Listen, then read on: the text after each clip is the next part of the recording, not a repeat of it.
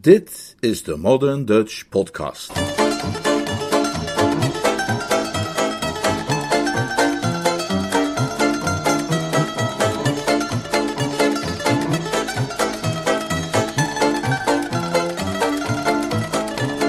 Groot gelijk, Jeeves, door P.G. Woodhouse. Een splinternieuwe Nederlandse versie van de roman Jeeves in the Offing, vertaald en voorgelezen door Leonard Beuger.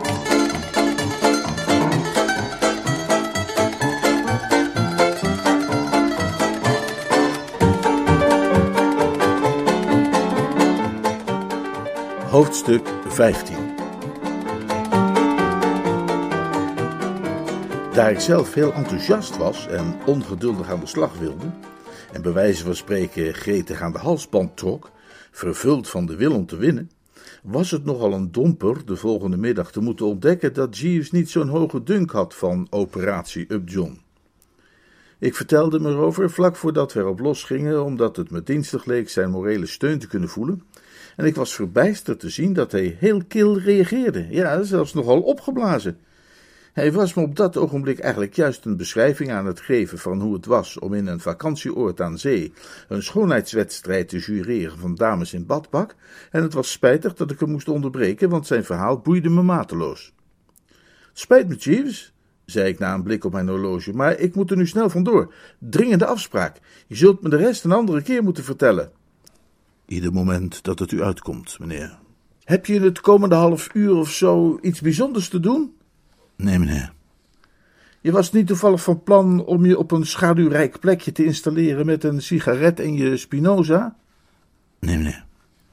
Dan zou ik je sterk willen aanraden om even mee te lopen naar de vijver. Dan kun je getuige zijn van een menselijk drama. En in een paar woorden zet ik het geplande programma uiteen en de gebeurtenissen die ertoe hadden geleid. Hij luisterde oplettend en trok zijn linker wenkbrauw enkele millimeters op. Was dit een idee van Miss Wickham, meneer? Nee, nee, ik ben met je eens dat het wel zo klinkt, maar in feite was het Sir Roderick Glossop die het naar voren bracht. Uh, tussen twee haakjes. Jij was waarschijnlijk wel verrast hem hier te zien butleren of buttelen of hoe dat heet. Het was de oorzaak van een kortstondige verbazing inderdaad, maar Sir Roderick heeft de situatie voor mij uit de doeken gedaan. Uit angst waarschijnlijk dat wanneer hij dat niet deed, jij hem wellicht zou ontmaskeren voor de ogen van Mrs. Scream. Ongetwijfeld, meneer. Hij wilde vanzelfsprekend alle voorzorgen nemen. Ik heb uit zijn opmerkingen opgemaakt dat hij nog geen definitieve conclusie heeft kunnen trekken omtrent de psychische conditie van Mr. Cream. Nee, hij is nog steeds aan het observeren. En zoals ik zeg, het was uit zijn vruchtbaar brein dat dit idee is ontsproten. Wat vind je ervan? Onverstandig, meneer, naar mijn opvatting. Ik was verbaasd. Ik kon nauwelijks mijn ogen geloven. Onverstandig?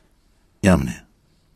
Maar het heeft feilloos gewerkt in het geval van Bertha Simons, George Lancaster en de oude heer Simmons. Dat is zeer wel mogelijk, meneer. Waarom dan jouw defetistische houding? Het is niet meer dan een gevoel, meneer. Waarschijnlijk ten gevolge van mijn voorkeur voor een zorgvuldige afwerking of finesse. Ik wantrouw plannen met een dergelijke bewerkelijke opzet. Men kan daar niet van op aan. U kent wellicht de tekst: Al wat men najaagt, drijft men op de vlucht. Als men de jacht vergeet, keert het geluk gelijk een lam terug. Eh, uh, is poëzie zeker? Ja, meneer. Ja, dat dacht ik al. Dat gelijk verraadt het. waarom zegt zo'n dichter niet gewoon als? Over die informatie beschik ik helaas niet, meneer. De heer Dendermonde heeft mij niet in vertrouwen genomen. Ik werd zo langzamerhand een beetje chagrijnig. Zijn hooghartige manier van doen beviel me niets. Ik had verwacht dat hij mij aan zou sporen met bemoedigende en inspirerende woorden. Niet dat hij de scherpe kantjes van mijn geestdrift zou gaan proberen af te veilen. Ik bevond me enigszins in de situatie van een kind dat naar zijn moeder rent en hoopt lof en instemming te krijgen bij iets wat het heeft gedaan, maar in plaats daarvan beloond wordt met een schop tegen zijn broek. Ik diende hem dan ook behoorlijk nijdig van repliek. Zo, dus jij denkt dat de dichter Dendermonde onze plannen zou afkeuren? Nou, dan kun je hem namens mij vertellen dat hij een ezel is. En over finesse gesproken, wij hebben de hele onderneming tot in de puntjes uitgedacht. Miss Wickham vraagt Mr. Upjohn een eindje met haar te gaan wandelen. Ze brengt hem naar het meertje. Ik sta daar op de oever ogenschijnlijk naar de vissen te kijken die daar spelen tussen het riet. Rolmops staat volledig op scherp achter een boom vlakbij. Op de uitroep Oh kijk van Miss Wickham, begeleid door wijzende gebaren in meisjesachtige opwinding, buigt Upjohn voorover om goed te kunnen kijken. Ik duw, Rolmops duikt erin en klaar is Kees. Daar kan onmogelijk iets bij misgaan. Zoals u zegt, meneer. Ik blijf echter dat gevoel behouden. Het bloed van de woesters raakte aan de kook. En ik stond op het punt om hem in niet mis te verstaande bewoordingen te vertellen wat ik vond van dat achterlijke gevoel van hem, toen het me plotseling duidelijk werd wat het was waardoor hij zo stekelig deed. Hij was gebeten door het groenoogig monster. Hij was jaloers, omdat er niet zelf het brein was achter deze onderneming, omdat het concept afkomstig was van een rivaal. Zelfs de groten onder ons hebben zo hun zwakheden. Ik hield de bittere opmerking die ik had kunnen maken dus achter mijn tanden en vertrok met een eenvoudig: Oh ja, zeg. Het heeft geen zin zout in de wonden te strooien, bedoel ik maar. Evengoed bleef ik toch een beetje kriegel, want als je helemaal opgedraaid en gespannen bent, is wel het laatste wat je nodig hebt dat mensen poëzie tegen je beginnen te citeren.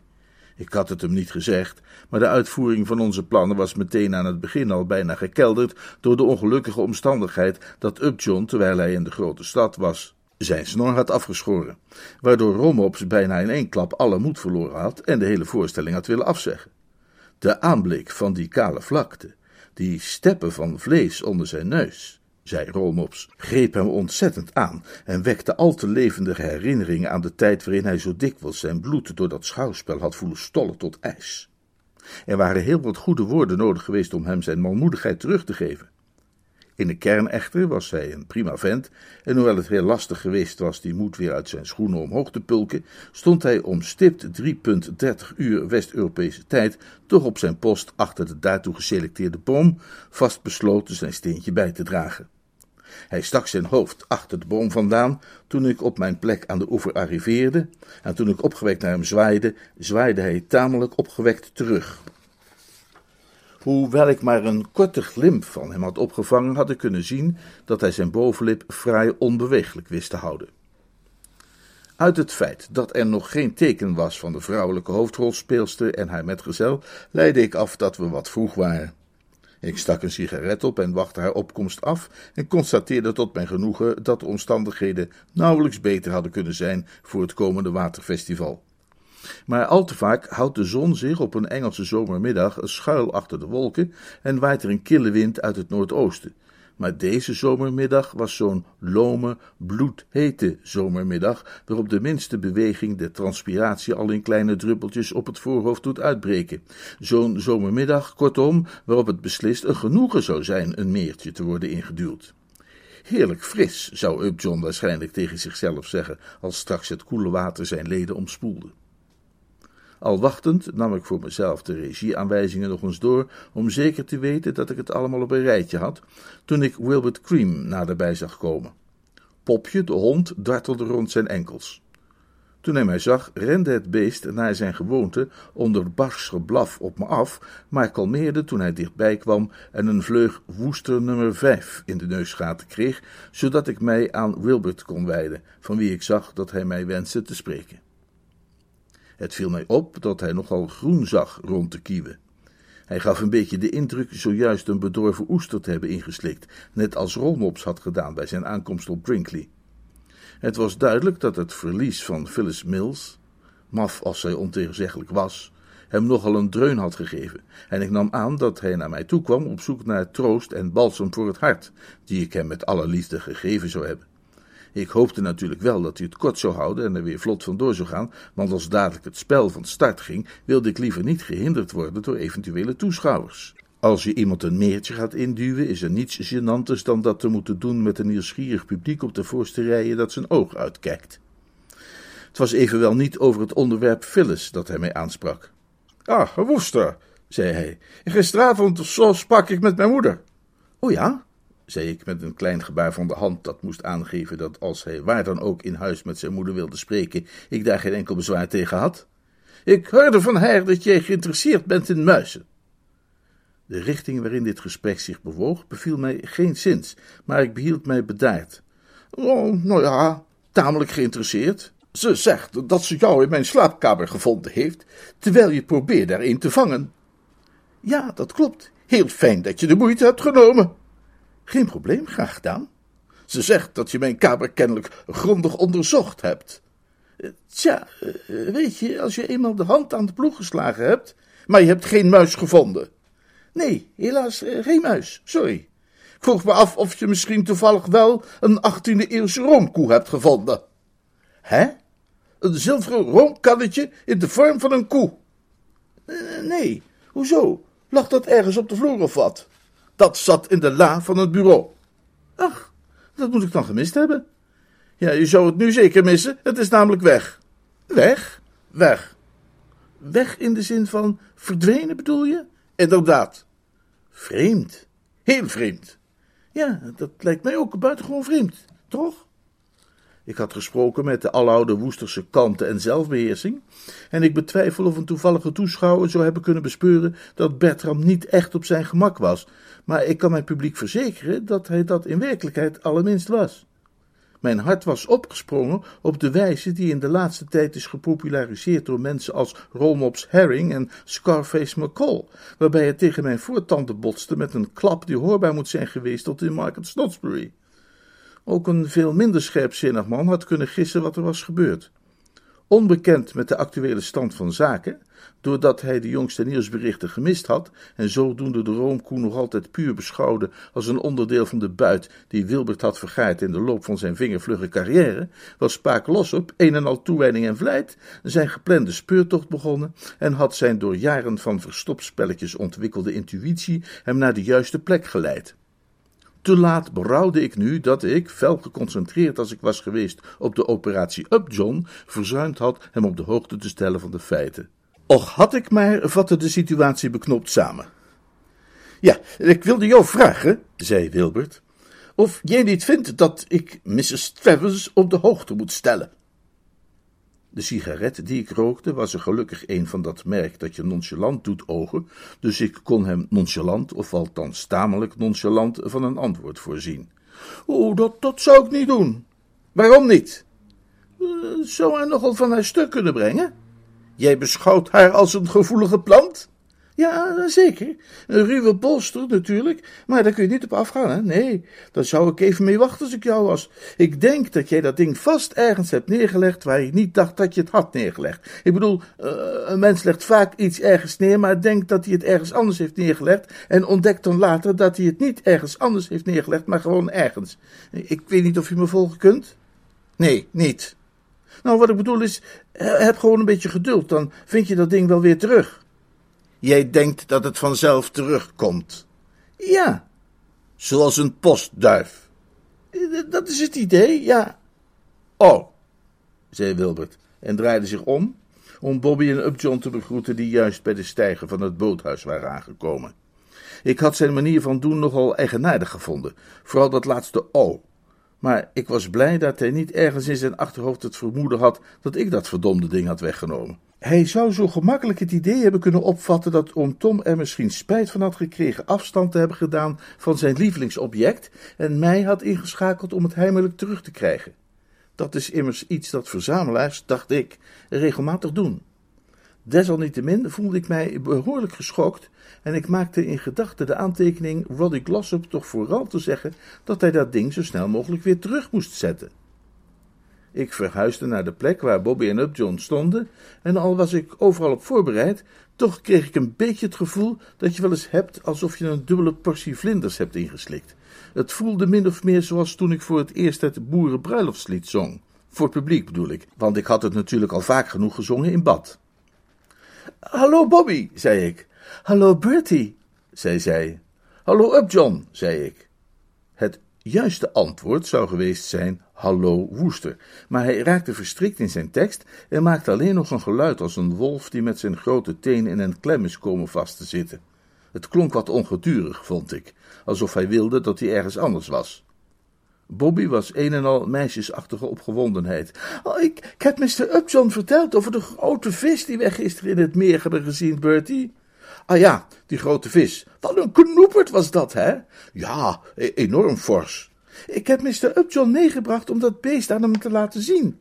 Terecht, terecht. Dat ga je prachtig vinden hoor, die grote vis, Upjohn. Die ongedurigheid van hem had ik goed gezien. Hij herhaalde zijn wolvenimitatie.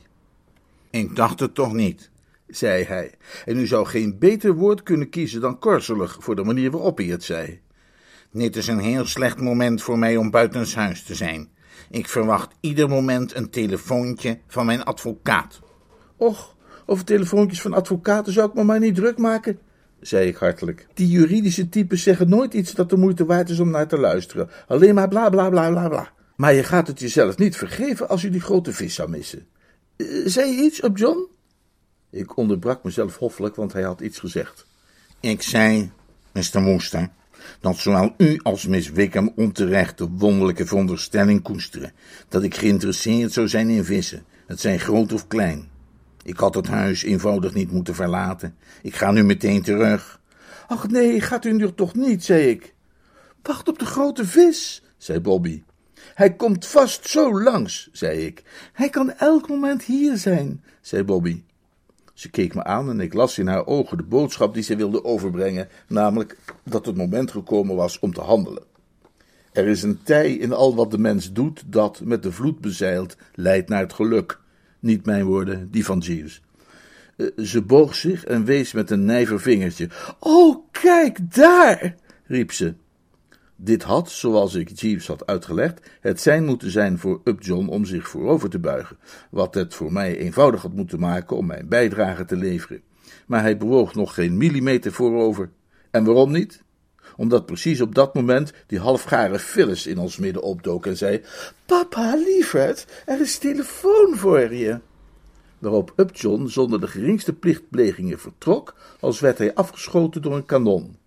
Hij had niet sneller kunnen bewegen als zijn popje de tekkel was geweest, die op hetzelfde moment rondjes aan het rennen was, om, als ik zijn gedachten juist interpreteer, wat pontjes kwijt te raken na de zware lunch die hij eerder die middag genoten had. Men begint te begrijpen wat de dichter Dendermonde bedoelde. Ik weet niet waardoor een acteerscène sneller in het honderd kan lopen dan door het plotselinge en onverwachte vertrek van een belangrijke speler op een kritiekpunt in de handeling. Het deed me denken aan die keer dat we de tante van Charlie speelden in het gemeentehuis van Market Snodsbury ten behoeve van het Orgelfonds. Toen halverwege het tweede bedrijf, juist toen we allemaal lekker bezig waren, Catsmeet Potter Purbright, die Lord Fancott Babberley speelde, pardoes van de bühne verdween om een plotseling opgekomen bloedneus te gaan verzorgen. Wat Bobby en mij betreft vervielen wij in stilte, want deze wending in het scenario had ons de woorden van de lippen geveegd, zoals de uitdrukking luidt, maar Phyllis palaverde door. Ik vond dat schattige poezenbeest hier in de tuin, zei ze, en nu pas zag ik dat ze Augustus in haar armen droeg. Hij keek wat mistroostig en het was eenvoudig te begrijpen waarom. Hij wilde graag wat verloren slaap inhalen en werd wakker gehouden door de troetelwoordjes die ze in zijn oor mummelde. Ze zette hem op de grond. Ik heb hem meegebracht, zodat hij gezellig een praatje kan maken met Popje. Popje is dol op katten, ja toch, engeltje? Kom eens lief gedag zeggen tegen dit poezewoesje, schattenbout. Ik wierp een snelle blik in de richting van Wilbert Cream om te zien hoe hij hierop reageerde. Het was het soort gebabbel dat heel goed de vonk van liefde gedoofd zou kunnen hebben in zijn boezem, want niets doet het menselijk hart sneller verkillen dan zulke kinderpraat. Het deed hem echter allerminst walgen, want hij keek verlangend naar haar alsof haar gekwebbel hem als muziek in de oren had geklonken. Heel merkwaardig vond ik. En ik zei juist tegen mezelf dat je ook eigenlijk nooit kon weten, toen ik iets van een levendige beweging bespeurde in mijn onmiddellijke omgeving. Op het moment dat Augustus op de grond terecht was gekomen, had hij zich tot een bal gerold en was in een lichte sluimer vervallen. Popje had juist zijn tiende rondje gerend en maakte zich klaar om aan zijn elfde te beginnen. Toen hij Augustus zag, hield hij zijn pas echter in, glimlachte breed, keerde zijn oren binnenste buiten, stak zijn staart recht omhoog ten opzichte van de ruggenwervels en stormde vrolijk blaffend op de kat af. Ik had de kleine sukkel kunnen vertellen dat hij daarmee een volstrekt verkeerde gedragslijn aanhield. Wanneer hij uit een lichte sluimer wordt gewekt, wordt zelfs de meest zachtmoedige en inschikkelijke kat nijdig. Augustus had al veel te verdragen gekregen van Phyllis, die hem ongetwijfeld uit droomland had wakker geschud toen ze hem oppakte in de tuin. En al dit lawaai en gedoe, juist op het moment dat hij weer aan het indommelen was, deed de deur dicht.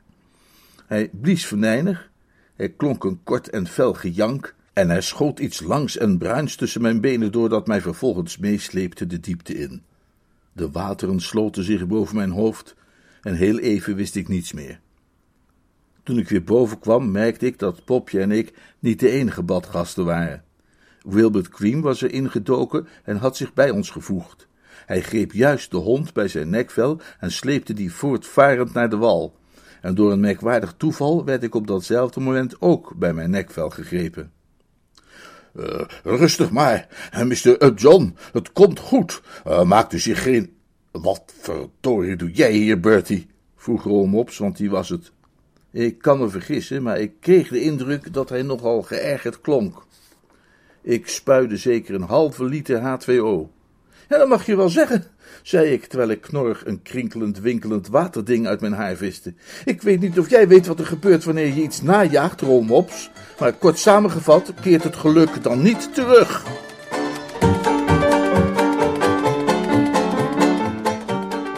Hoofdstuk 16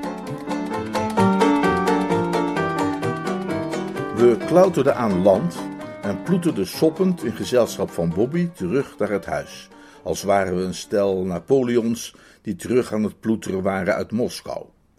Zo passeerden we Tante Dalia. Met een hoed op die eruit zag als zo'n mand waarin je vis vervoert, was ze aan het rondknoeien in de bloembedden langs de tennisbaan. Ze gaapte ons misschien vijf seconden verstomd aan en barstte toen los in een uitroep die weinig gepast was binnen gemengd gezelschap en die ze ongetwijfeld ooit had opgepikt van een mede-Nimrod in de dagen dat ze nog actief de jacht beoefende. Toen ze dat kwijt was, zei ze: Wat is hier in hemelsnaam aan de hand? Wilbert Cream kwam hier net voorbij, doorweek tot aan zijn wenkbrauwen en nu jullie weer, druipend uit elke naad. Hebben jullie met z'n allen waterpolo gespeeld met je kleren aan? Nou, niet zozeer waterpolo, maar meer reddend zwemmen en dat soort strandgenoegens, zei ik. Maar dat is een lang verhaal en mij lijkt dat Romops en ik nu beter even door kunnen stappen en wat droge kleren aantrekken in plaats van al te lang hier met u te blijven keuvelen. Ook al, voegde ik er hoffelijk aan toe, genieten wij altijd erg van uw conversatie. Het eigenaardige was dat ik Upjohn niet zo lang geleden kurk droog heb zien passeren. Hoe kan dat? Wilde hij niet met jullie meespelen? Hij moest via de telefoon iets overleggen met zijn advocaat, zei ik, en liet nadere toelichting over aan Bobby, terwijl Romops en ik ons soppend geploeter hervatten. Toen ik op mijn kamer de natte plunje had afgeschud en vervangen door iets in lichte gabardine en vooral ook sec, werd er op de deur geklopt. Ik wierp de poort wijd open en daar op de drempel stonden Romops en Bobby. Het eerste wat me opviel aan hun verschijning was de merkwaardige afwezigheid van somberheid, mismoedigheid en demotivatie. Ik bedoel, overwegend dat nauwelijks een kwartier geleden al onze hoop de bodem was ingeslagen, zou je toch verwacht hebben dat er sprake zou zijn van een hart bedrukt door rouw en smart. Maar ze zagen er allebei juist opgewekt uit en vol goede moed. Een mogelijke oplossing kon misschien zijn dat zij met de taaie bulldog-mentaliteit van de Engelsman en uiteraard de Engelsvrouw, die nooit zal toegeven te zijn verslagen, besloten hadden om ergens in de nabije toekomst nog zo'n soort poging te ondernemen, en ik vroeg of dat misschien het geval was. Het antwoord luidde negatief. Rolmop zei nee, het zat er niet in dat we Upjohn nog een keer meekregen naar dat meertje. En Bobby zei dat zelfs wanneer dat wel zou lukken, het nergens goed voor zou zijn, omdat ik de hele zaak dan toch wel weer in het honderd zou laten lopen. Ik geef toe dat ik me daardoor gekwetst voelde. Hoe bedoel je in het honderd laten lopen? Ja, jij struikelt dan natuurlijk weer over je grote platvoeten en valt in het water, zoals je vandaag ook deed. Neem mij niet kwalijk zei ik, met enige moeite de beschaafde welopgevoedheid bewarende van de Engelse heer, die in conflict raakt met een vertegenwoordiger van het andere geslacht. Jij kletst uit je pukkelige, onnozele nek. Ik ben niet over mijn platvoeten gestruikeld, ik werd de diepte ingesleurd door een onvermijdelijke natuurramp, namelijk een volstrekt onverwacht opduikende tekkel die tussen mijn benen raakte. Als je per se iemand de schuld wil geven, geef dan liever die mafketel van een Phyllis de schuld, die Augustus daarmee naartoe had gebracht en hem doodleuk, waar hij het kon horen, een poezewoesje noemde. Natuurlijk werd hij daar nijdig over en kon hij niet ook nog de grote bek verdragen van een blaffende hond. Ja, inderdaad, zei Rolmops, altijd een trouwe makker. Het was niet Bertie's schuld, eh, Engeltje. Wat je verder ook zeggen kunt over tackles, door hun bijzondere vormgeving zijn het de makkelijkste honden om over te struikelen die er bestaan. Ik vind dat Bertie uit de strijd is gekomen zonder de geringste smet op zijn blazoen. Nou, ik niet, zei Bobby, maar goed, het maakt niet uit. Nee, het maakt niet echt meer uit, nee zei Rolmops, want, want je tante heeft een plan geopperd dat net zo goed is als de Lanchester Simmons truc, zo niet beter. Ja, ze heeft Bobby verteld over die keer dat Boko Fittleworth een wit voetje probeerde te halen bij jouw oom Percy. En jij heel sportief aanbood om je oom Percy eens flink te gaan beledigen en uitschelden, zodat Boko, die om de hoek van de deur stond, binnen kon komen en voor hem in de bres springen, waar je oom hem natuurlijk heel dankbaar voor zou zijn. Je herinnert je dat geval misschien nog wel? Ik huiverde, dat geval herinnerde ik mij maar al te goed. Ze denkt dat dezelfde behandeling succes zou hebben bij Upjohn, en ik denk dat ze vast en zeker gelijk heeft. Je weet hoe dat voelt wanneer je plotseling ontdekt dat je een ware vriend hebt. Iemand die vindt dat je geweldig bent en geen kwaad woord over je wil horen. dat, dat, dat raakt je. En als je misschien iets als een vooroordeel tegen die persoon had, dan zou je die mening over hem daardoor veranderen. En je zou niets willen doen ten nadele van zo'n prachtkerel. En zo zal Upjohn zich gaan voelen ten opzichte van mij, Bertie. Als ik binnenkom en ik hem mijn steun geef en alle sympathie, nadat jij hem alle scheldwoorden en beledigingen waar je maar op kon komen naar het hoofd hebt staan slingeren. Je moet scheldwoorden genoeg hebben opgepikt van je tante. Ze heeft vroeger gejaagd, en als je jaagt moet je alle lelijke woorden kennen die er zijn, omdat er voortdurend mensen zijn die met hun paard de honden onder de voet lopen en dat soort dingen meer. Vraag haar anders een paar hele goede voor je op een blaadje te schrijven. Oh, dat heeft hij niet nodig hoor, zei Bobby. Hij heeft ze waarschijnlijk allemaal goed in zijn geheugen. Natuurlijk, natuurlijk. Al geleerd toen hij als kind bij haar op de knie zat. Nou ja, dat is het idee dus, Bertie, hè. Jij wacht op de goede gelegenheid, drijft Upjohn ergens in een hoekje, buigt je over hem heen. Terwijl hij op zijn stoel ineen krimpt. Je wuift je vinger over zijn gezicht en je scheldt hem uit voor alles wat mooi en lelijk is. En als hij dan huivert onder jouw toorn hè, en wenst dat er een vriend zou toeschieten om hem te redden uit die gruwelijke beproeving, dan kom ik binnen. Ik heb alles gehoord Bobby stelde voor dat ik jou dan neer zou slaan, maar ik denk niet dat ik dat zou kunnen opbrengen. De gedachte aan onze oude vriendschap zou mijn vuist te veel weerhouden. Ik zal je alleen een stevige schrobbering geven. Woester, zal ik zeggen. Ik ben geschokt. Geschokt en verbijsterd. Het is onbegrijpelijk hoe jij zo kunt spreken tegen een man die ik altijd heb gerespecteerd en tegen wie ik heb opgekeken. Een man op wiens kostschool ik de gelukkigste jaren van mijn leven heb doorgebracht. Jij bent jezelf niet langer meester, woester, waarop jij beschaamd en verward afdruipt en Upjohn mij hortend bedankt en zegt dat als er iets is dat hij voor me kan terugdoen, ik het maar hoef te noemen. Ik vind toch nog steeds dat je hem eigenlijk neer moet slaan. En, en als ik me op die manier bij hem geliefd heb gemaakt. Het levert gewoon veel meer op. Als ik me op die manier bij hem geliefd heb gemaakt, breng ik het gesprek op die aanklacht weer Met één goede stomp op zijn oog ben je. Dan zeg ik dat ik de jongste aflevering van de Thursday Review heb gelezen en dat ik heel goed kan begrijpen dat hij een aanzienlijke schadevergoeding eist van die krant. Maar vergiet u vooral niet, Mr. Upjohn, zeg ik dan, hè, dat dat als zo'n weekblad een hoop geld verliest, het zal moeten bezuinigen. En de manier waarop het bezuinigt is door de jongere leden van de redactie eruit te gooien. U zou toch niet willen dat ik mijn baan verlies? Is het wel, Mr. Upjohn? En, dan schrikt hij, hè?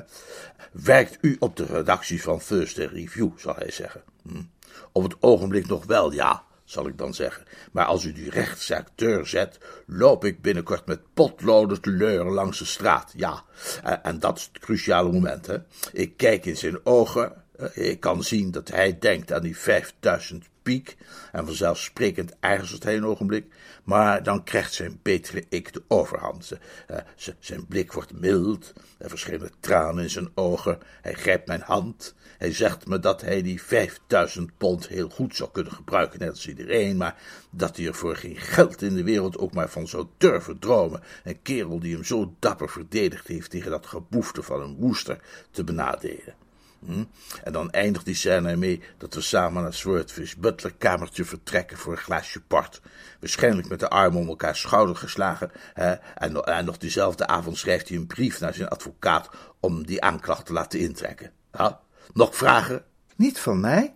Hij kan immers nooit weten dat jij het was die die recensie geschreven heeft. Er stond geen naam onder.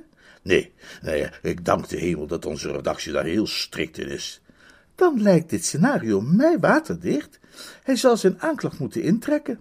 Dat is niet anders dan goed fatsoen, hè, lijkt me. Het enige wat ons nog rest is het goede tijdstip en de juiste locatie te kiezen voor Bertie's optreden. Wat is er mis met nu? Zoiets kun je maar beter meteen doen. Ja, maar waar vinden we Upjohn? Die is in Mr. Travers' studeerkamer. Ik zag hem daarnet door de terrasdeuren. Heel goed. Nou, dus, Bertie, hè, als jij er klaar voor bent. U zult waarschijnlijk hebben opgemerkt dat ik tijdens deze uitwisseling van gedachten niet had deelgenomen aan de conversatie. Dat was omdat ik veel te druk bezig was mij de gruwel voor te stellen die me wachtte. Ik wist uiteraard dat die voor mij lag, want waar een normaal mens het voorstel waar zij mee waren gekomen zou hebben afgedaan met een krachtig nolle prosecui, stond mij daarbij de erecode van de Woesters in de weg, die, zoals vrij algemeen bekend is, het mij onmogelijk maakt een vriend in de steek te laten of teleur te stellen. Wanneer de enige manier om iemand waarmee ik sinds mijn jongensjaren bevriend ben ervoor te behoeden potloden te moeten gaan verkopen langs de straat, ook al lijken mij bloedsinusappels een lucratievere handel, eruit bestaat een vinger te zwaaien in het gezicht van Aubrey Upjohn en hem scheldwoorden toe te voegen, dan wordt die vinger gezwaaid en dan worden die scheldwoorden toegevoegd. Zo is het nu eenmaal. Die beproeving mocht dan mijn haar tot in de wortels doen verbleken en van mijn oude zelf niets overlaten dan de lege huls, toch moest ik die ondergaan. Zoals de man zei, de vraag waarom is niet aan mij. Ik uitte dus een nogal hees vooruit dan maar en probeerde er niet aan te denken hoe Upjohn's gezicht eruit zou zien zonder snor. Want wat mij het meeste kippenvel bezorgde, was de verwachte aanblik van die blote bovenlip die zo vaak naar mij was opgetrokken in wat men noemt de dagen van weleer. Op weg naar de arena hoorde ik vagelijk Bobby zeggen: Mijn held! En Rolmops ongerust vragen of ik wel een beetje goed bij stem was. Maar er zou heel wat meer voor nodig geweest zijn dan wat ge mijn held en enige bezorgdheid over mijn stembanden om Bertram's zenuwstelsel op de juiste spanning te brengen. Ik voelde mij, kort gezegd, als een onervaren beginneling die op moet tegen de kampioen zwaargewicht, toen ik uiteindelijk voor de deur van de studeerkamer stond, die opendeed en naar binnen strompelde. Ik kon niet uit mijn hoofd zetten dat een Aubrey Upjohn, die decennia lang lastige oudersrecht had aangeblikt en ze op hun nummer gezet en wiens hardvochtigheid een begrip was in Bramley aan zee, niet een man was in wiens gezicht men heel makkelijk een vinger zwaaide. Ik kwam tijdens mijn bezoeken aan Brinkley Court maar zelden in oom Toms studeerkamer, want als ik daarheen ging, greep hij me gegarandeerd in mijn kraag en begon tegen me over antiek zilver te praten, terwijl als hij mij te pakken kreeg in het vrije veld, hij vaak ergens anders over begon, en naar mijn idee was het gewoon niet handig te veel mijn nek uit te steken. Het was meer dan een jaar geleden dat ik dit sanctum betreden had en ik was vergeten hoe buitengewoon veel overeenkomst het interieur ervan had met Aubrey Upjohn's schuilhol op Malvern House.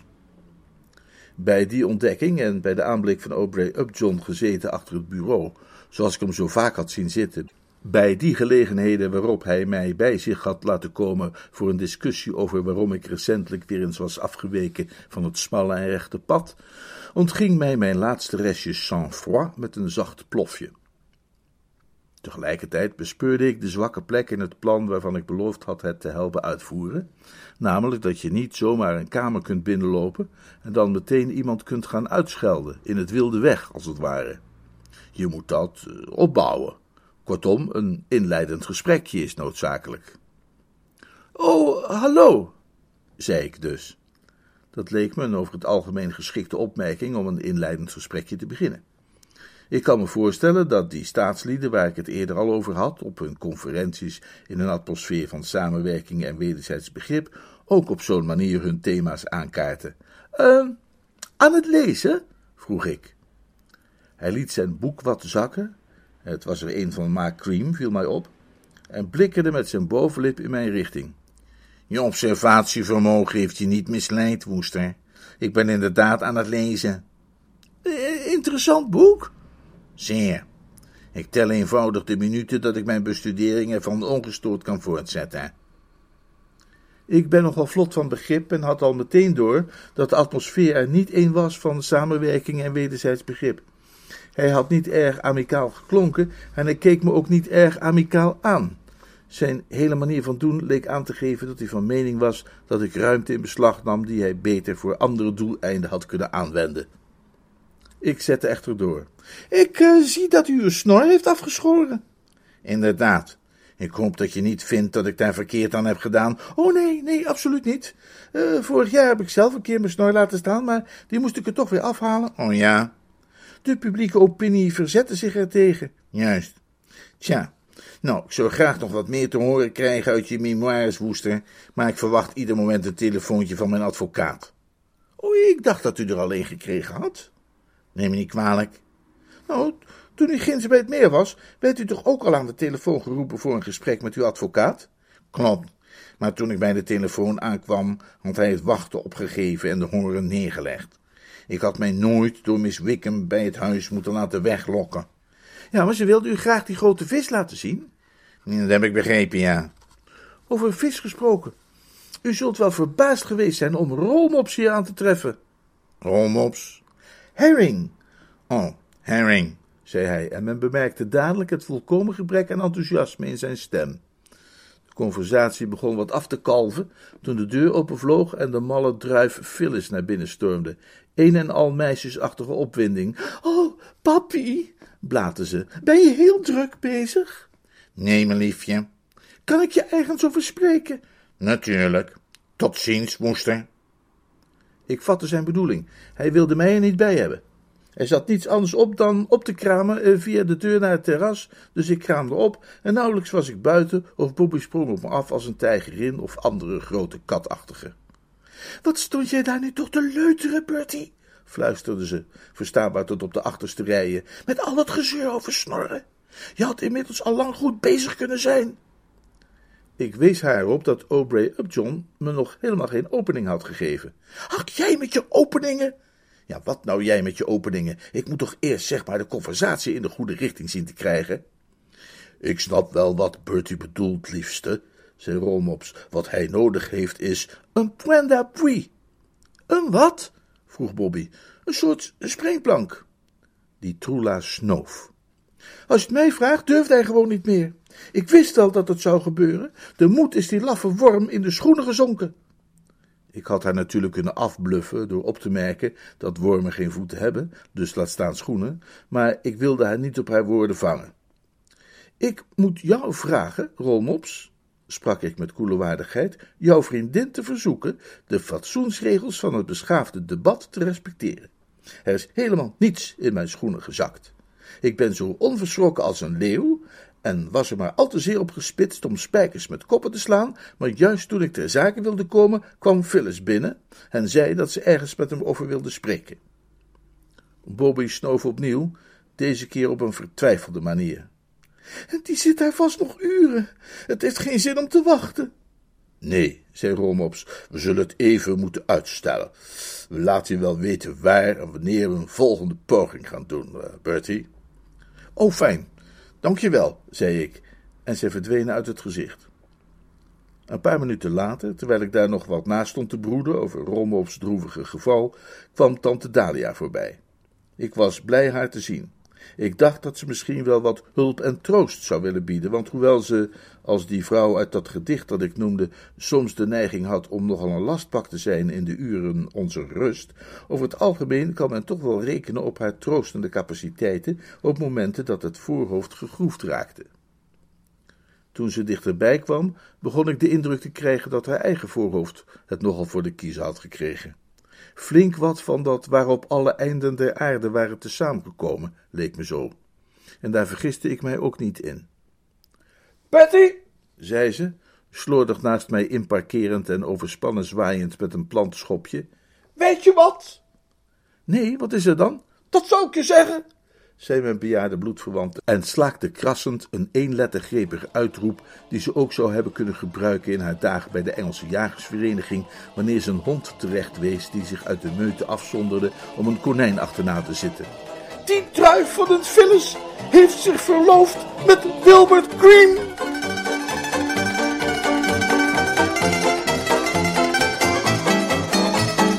Where is the brook that kisses the lane, covered with glory vines? Anyone what's troubling me, I'm crying for the Carolines. Where is the gal that I used to meet, now where the pale moon shines? Anyone can see what's troubling me, I'm crying for the Carolines. Volgende keer meer.